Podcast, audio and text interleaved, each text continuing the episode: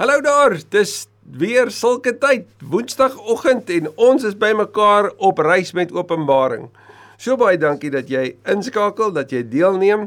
Ek sommer net ook baie hallo sê of of, of goeiemôre of goeie dag, goeie aand, waar ook al jy is, nou laat dit ook al is by julle in julle omgewing. Vir al die groepe wat ook saam hierna kyk. Ons is ontsettend dankbaar vir elkeen wat waarde hierin vind en weer eens as jy dalk die notas wil hê, Ons stuur dit graag vir jou en as jy dit wil deel met ander, is ons so so dankbaar. Dit is so goed om te kan weet wat ons ontvang het, Here, dit moet ons gee. En dankie dat jy op hierdie manier ook deel in wat ons by die Here kry.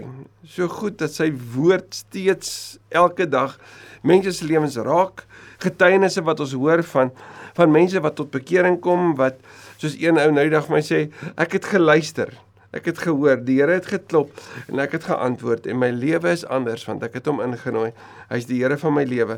Daai tipe verhale wat op so gereelde basis gebeur, is wat ons nodig het om met mekaar te deel en om opnuut vir mekaar te sê maar die rol van ons as gelowiges op op op aarde is om 'n goeie nuus te deel op alle maniere. En hierdie is verseker een wonderlike geleentheid vir jou en my. Ons is by Openbaring hoofstuk 17 en en ouer gewoonte net te vinnige terugkyk na hoofstuk 16. Hoofstuk 16 verlede week wat die verhaal is van die sewe bakke. Ons sien hoe hierdie bakke die aarde tref, al die dele van die aarde, die soutwater, die vars water. Hoe dit die gelowe die die gelowiges ehm um, hoe die gelowiges beleef hoe dit ongelowiges tref en hoe die ongelowiges God laster. Ek wil die die hitte wat hulle tref, die son wat hulle brand. En hulle nie omdraai en aan die Here eer gee nie, maar eerder aanhou om hom te laster en en met hulle hartheid teenoor hom op te tree. Ons sien in hoofstuk 16 dat daar gepraat word oor God se regverdigheid, dat hy heilig en goed is en dat sy regverdigheid maak dat hy sonde moet wreek, dat hy die oordeel daaroor moet bring. En dit is God se regverdigheid maak dit maak dat hy reg optree teenoor dit wat onregverdig is. Dat hy dit oordeel en straf. Dit maak hom nie liefdeloos nie. Dit wys hoe heilig en regverdig hy is. En jy's daarin is daar hoop vir gelowiges om ook vas te hou. Daarin ons sien hoe duisternis die die koninkryke van van die van die bose tref en dan veral dan Rome, daai in die jaar 69 na Christus, die jaar van die vier keisers wat weet Nero opgevolg het en hoe elkeen probeer het om op hulle verskriklike manier die troon te bestyg. Vespasianus, daai wrede keiser wat wat mense laat honger ly het, aan hongersnood amper laat sterf het omdat hy so graag in beheer wou wees. Opgevolg deur Domitianus, die een wat die wrede wrede keiser was wat wou hê dat hulle hom moes aanspreek as Here en God. En dan sê Johannes, maar wat hy sien is daar kom duisternis oor dit. En natuurlik op die boonste vlak, die einde van die bose, op die vlak van Johannes se wêreld, die einde van Rome. En en dan kom sê die Here vir sy kerk, geseënd is hulle wat wakker bly. En ons weet wakker bly van wat Jesus deel elke keer wanneer hy sê wees gereed, het te gaan oor die bruilof. En ons is op pad aan die bruilof toe. Hoofstuk 19. Hulle wie se klere gereed is, sal Openbaring 16 sê. Geseënd is hulle en dan wanneer die sewende bak uitgegooi word, die groot woorde, dis verby. En vir jou en my wat wat kinders van die Nuwe Testament is, wat weet van Jesus wat opgestaan het en hemel toe gevaar het en terugkom, vir ons is die groot troostvolle boodskap, die oorwinning is klaar behaal. Hy dag toe Jesus soos Paulus hom beskryf, triomfator in sy triomftog uitstap nadat hy die dood oorwin het, is die slagveld verby. Maar vir die bose is daar steeds hierdie verwagting, soos in hoofstuk 16 sien, dat daar tog 'n Armageddon sal wees, die die Harmageddon, die berg van Megiddo in daai wêreld, dat dit tog eers gaan gebeur. Maar daar is nie 'n veldslag nie. Want Jesus het oorwin. Die sewe bakke kom sê, dit is verby. En so beweeg ons dan met met die fokus van van van Johannes nou hoofstuk 17 toe. Ons gaan vandag lees oor Babylon, die swedelose vrou. Kom ons bid. Here, dankie vir u woord, dankie vir die waarheid daarvan, dankie dat u steeds genadiglik met ons hierdeur stap. Breek dit asseblief verder ook oop vir ons. Ons gedagtes is maar maar maar vlietend, dit beweeg oral heen en ons ons vermoë om alles te onthou is maar uiters beperk. Daarom kom help ons asseblief in Jesus se naam. Amen. Openbaring 17 vers 1. Toe het een van die sewe engele wat die sewe bakke het gekom en met my gepraat. Kom, het hy gesê. Ek sal jou wys hoe die oordeel voortrek word oor die berigte sedelose vrou wat by die waters bly. Spreuke praat van dwaasheid as hierdie slegte vrou. Maar maar hierdie is nie net oor dwaasheid nie, hierdie gaan oor boosheid en die die die beskrywing van van boosheid word word aan Babylon toegeken as 'n sedelose vrou, 'n slegte vrou, 'n vrou wat by die waters bly. As dan vers 2 hierdie vrou wat met die wie die konings van die aarde onsedelik verkeer het. So sy het soos 'n prostituut te kere gegaan. Die bewoners van die aarde het dronk geword van die wyn van haar onsedelikheid die figuurlike um, beskrywing van van wat Rome gedoen het is dat hulle al die konings van die aarde natuurlik ingetrek het in onderhandelinge met hulle en het hulle beïnvloed. Natuurlik ook beïnvloed om om die gelowiges te vervolg. Maar in hierdie hierdie hierdie dade wat hulle in hierdie onderhandelings wat hulle gehad het, het dit hierdie handelaars van die wêreld in beswyming gebring. Ek is deur die Gees meegevoer en die engel het my na die woestyn toe geneem. Nou vroeër het ek en jy gesien dat die woestyn 'n goeie plek was vir hierdie messiaanse moeder. Onthou jy daai figuur waarvan ons gelees het wat natuurlik 'n beskrywing was van die kerk. En ons sien hoe hoe die hoe die bose die draak eers probeer het om om vir Jesus dood te maak, haar seun, maar hy's weggeruk. En dan probeer die bose om haar te verwoes met hierdie hierdie vloedgolf van vervolging, maar hierdie golf is ingesluk in die in die weet die, in die aarde en die aarde het oopgemaak en die vrou is beskerm. Maar dan word daar gesê maar die draak het besluit om oorlog te verklaar teen haar navolgelinge. So die woestyn was 'n goeie plek, 'n plek soos Hosea 2 sê waarin jy God se nabyheid ontdek. Soos Jesus beleef het in in die woestyn dat die Here na die 40 dae van versoeking hom versorg het. Was die woestyn 'n plek om weg te kom as dit ware van die bose, maar in hierdie geval is dit presies die teenoorgestelde. Hier in hierdie woestyn gaan ek en jy sien kom God se oordeel oor hierdie vrou. In die woestyn toegeneem, daar het ek 'n vrou gesien wat op 'n helder rooi dier sit. Nou die dier waarop sy sit waarskynlik is een van die van die drie diere van die draak wat ons sien, waarskynlik daai eerste dier wat van die see kom by die anti-kristus. Maar die feit dat hierdie vrou daar in die woestyn op hom sit met met met en dat hy as helder rooi beskryf word, is dit 'n uh, erns 'n beskrywing ook van die die swier en die kleur en die leksheid en die rykdom wat so weggegee is en in vertoon gegee is deur Rome vir die wêreld. Soos hy sit op hierdie helder rooi dier. Die dier was oortrek met godlasterlike name. Daarom waarskynlik die anti-kris, die diere die see en het sewe koppe en 10 horings gehad soos ons dit in Openbaring 12 en 13 ook lees. Die vrou was uitgedos in pers en helderrooi klere. Nou kan jy sien pers en helderrooi. Dis dis vir almal sigbaar en die die weefstof en die kleursel vir pers en en helderrooi was was peperduur en net die skatrykes kon dit bekostig. En sy was opgetooi met goud, edelstene en parels. In haar hand het sy 'n goue beker vol losbandigheid gehad die onreinheid van haar onsedelikheid. So Babylon, Rome word beskryf as 'n sedelose vrou, 'n prostituut wat met die wêreld se leiers in omgang was. Sy het hulle beswym, bedwelm en verlei. Op haar voorkop was haar naam geskrywe en dit het 'n verborgde betekenis. En hier is die openbaring van haar naam. Die naam was Groot Babylon, die moeder van die sedeloses en van die losbandigheid op aarde. Jan Dirand beskryf die Romeinse ryk as die moederskoot van afgodery. Dat vanuit die Romeinse ryk het hierdie totale losbandige leefstyl gekom. Nou weet ons dit mos van die keisers wou vereer word en as 'n keiser vereer wil word beteken dit daar moet ergens 'n plek wees van verering en wat beter dan as tempels. So daar was nie net afgodstempels nie, daar was tempels waarin die keisers aanbid was as God.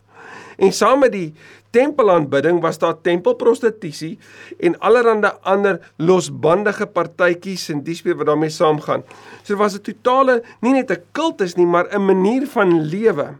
En die Romeine het die mense ingenooi om te kom deel in hierdie aanbidding van hulle keisers en in die losbandigheid. En wanneer die Christene gesê het, "Maar hierdie is nie vir ons nie. Jesus is die Here. Hy is God."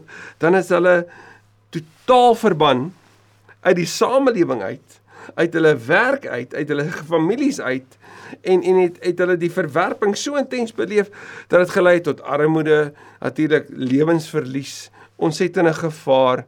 Hulle is geëkskommunikeer omdat hulle rug gedraai het op hierdie hierdie Babelse verwarring as jy wil wat Babylon veroorsaak het met haar onsedelikheid. Ek het gesien dat die vrou dronk is van die bloed van die gelowiges, van die bloed van die mense wat vir Jesus getuig het. Die Openbaring sê dat die gelowiges oorwin nie deur hulle eie bloed nie, maar deur die bloed van die lam en die getuienis van hulle vashou dat Jesus die Here is en hulle het nie hulle lewe so lief gehad dat hulle daan vasgeknog het nie. Hulle het hulle lewe gegee. En nou sien ons dat hierdie vrou het die bloed gedrink van die gelowiges wat hulle lewe gegee het.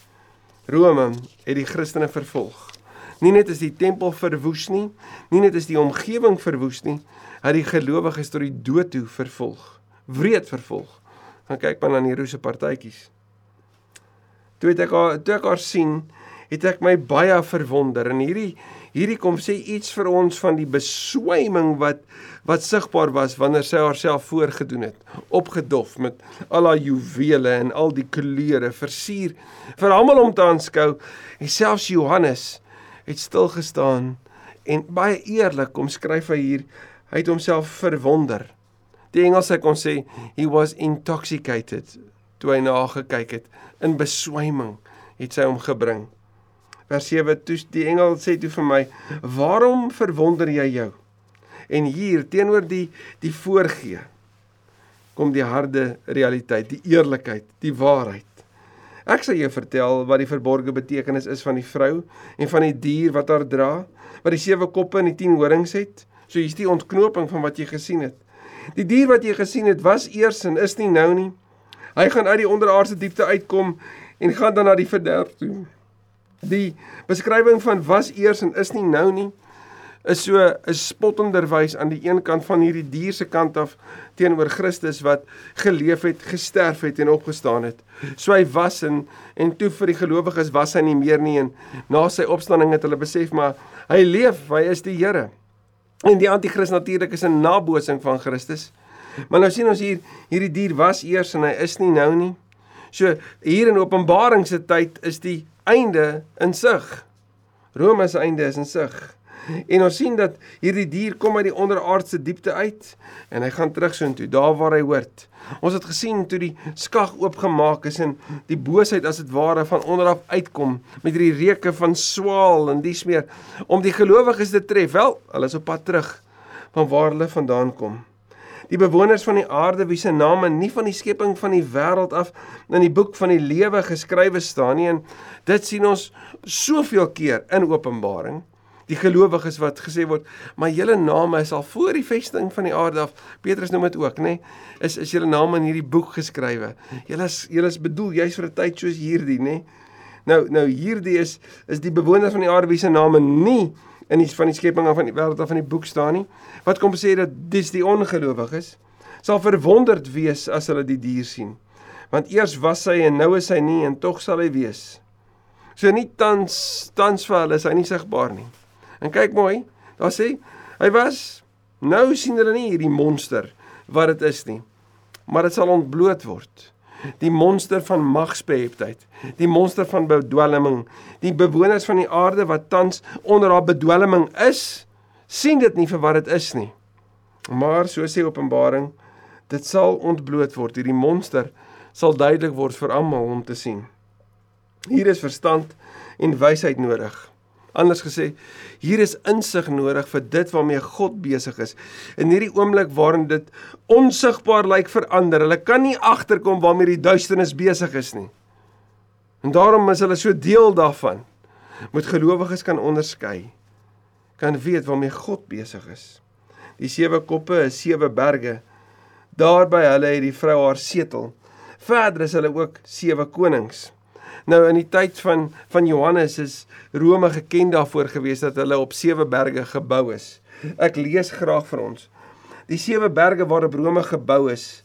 Dit is die tipiese benaming waaraan Rome uitgeken word. En dan sê Jan Dirand tydens keiser Domitianus se bewind van 81 tot 96 na Christus is die Septimotium fees gehou.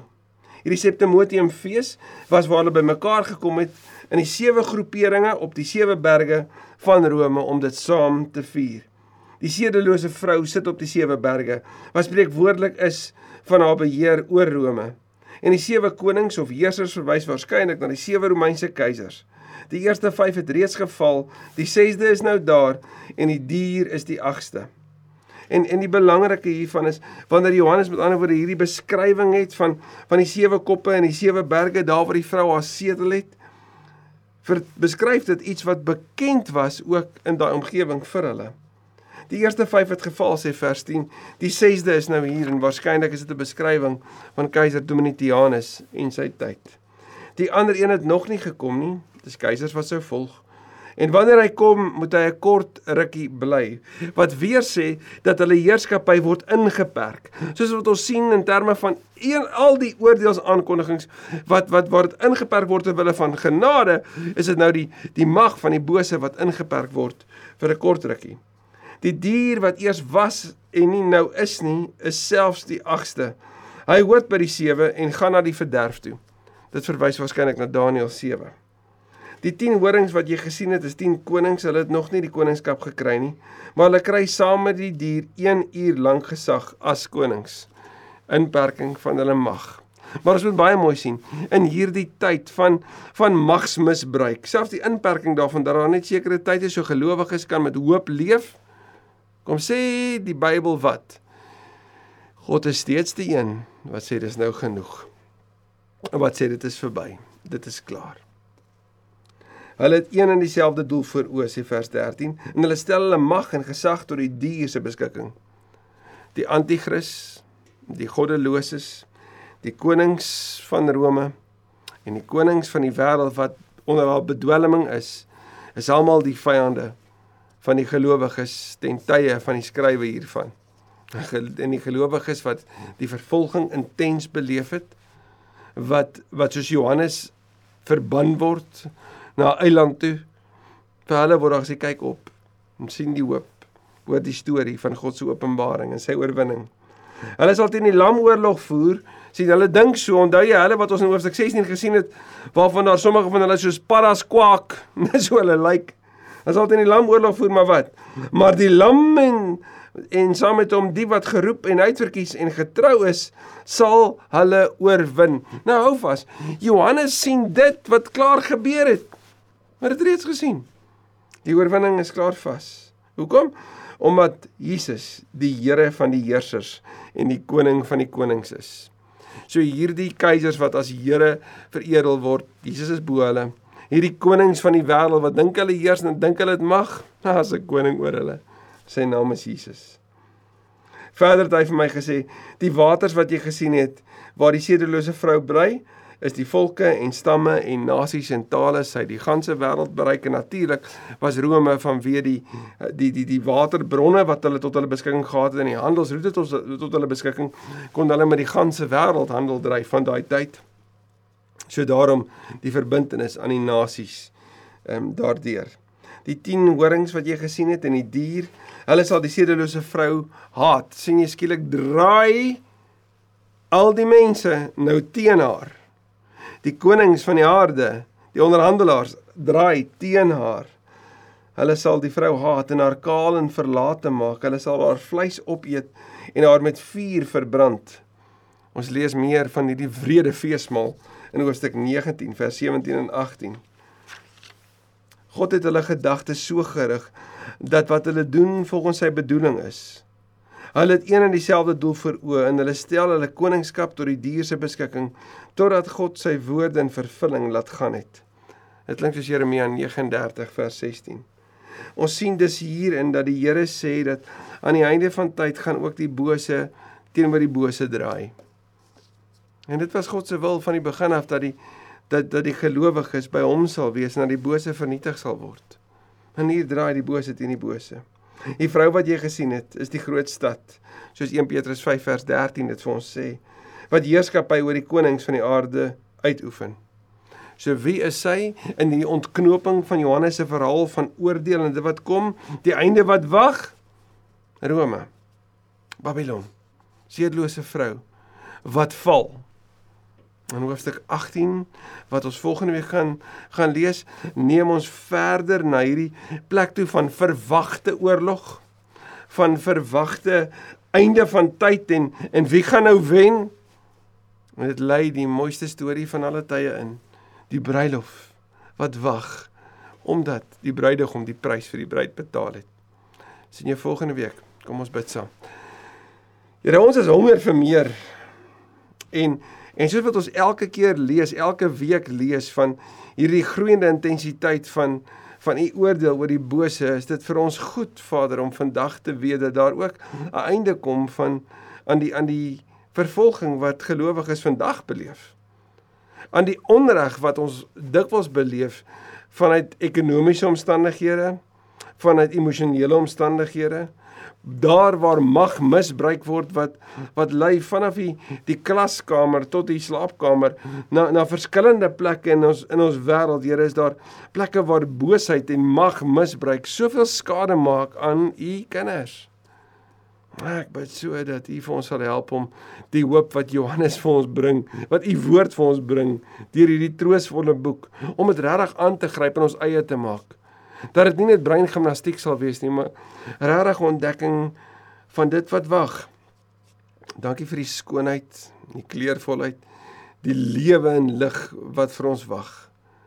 En en hoe dit die donker en die grys van hierdie wêreld Here net in 'n nuwe perspektief bring. En terwyl ons vandag het om vir iemand die goeie nuus vandag te deel, mag ons die geleentheid daarvoor ook aangryp in Jesus se naam. Amen. Amen. Ek hoop jy het 'n wonderlike wonderlike week.